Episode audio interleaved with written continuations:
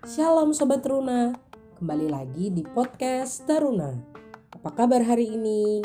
Semoga kalian semua dalam keadaan yang sehat ya. Hari ini kita akan kembali merenungkan firman Tuhan dengan bacaan Alkitab yang terambil dari kejadian pasal 19 ayat yang pertama sampai ayatnya yang ke-11 dengan tema manusia yang dibutakan.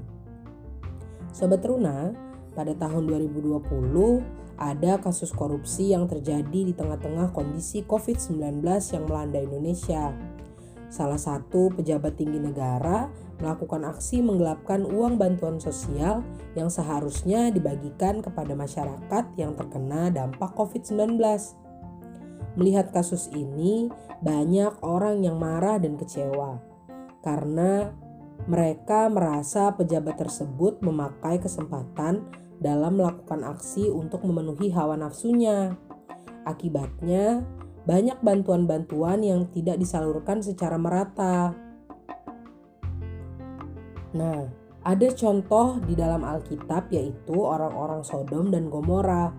Mereka hidup dengan kondisi daerah yang makmur, namun mereka hidup dengan sikap tidak taat pada Allah dan penuh dosa. Mereka selalu mencari-cari hal agar bisa memenuhi segala hawa nafsunya. Lalu ada dua malaikat yang datang ke rumah Lot. Saat malaikat itu datang, orang-orang Sodom mengepung rumah Lot dan mengingini dua malaikat tersebut. Ini bukti bahwa mereka tidak dapat mengendalikan diri.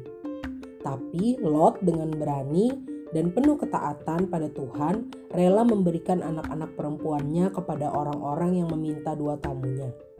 Lot di sini penuh dengan dilema. Namun saat itu dia ditolong oleh dua malaikat tersebut untuk membutakan mata para orang-orang yang mengepung rumahnya.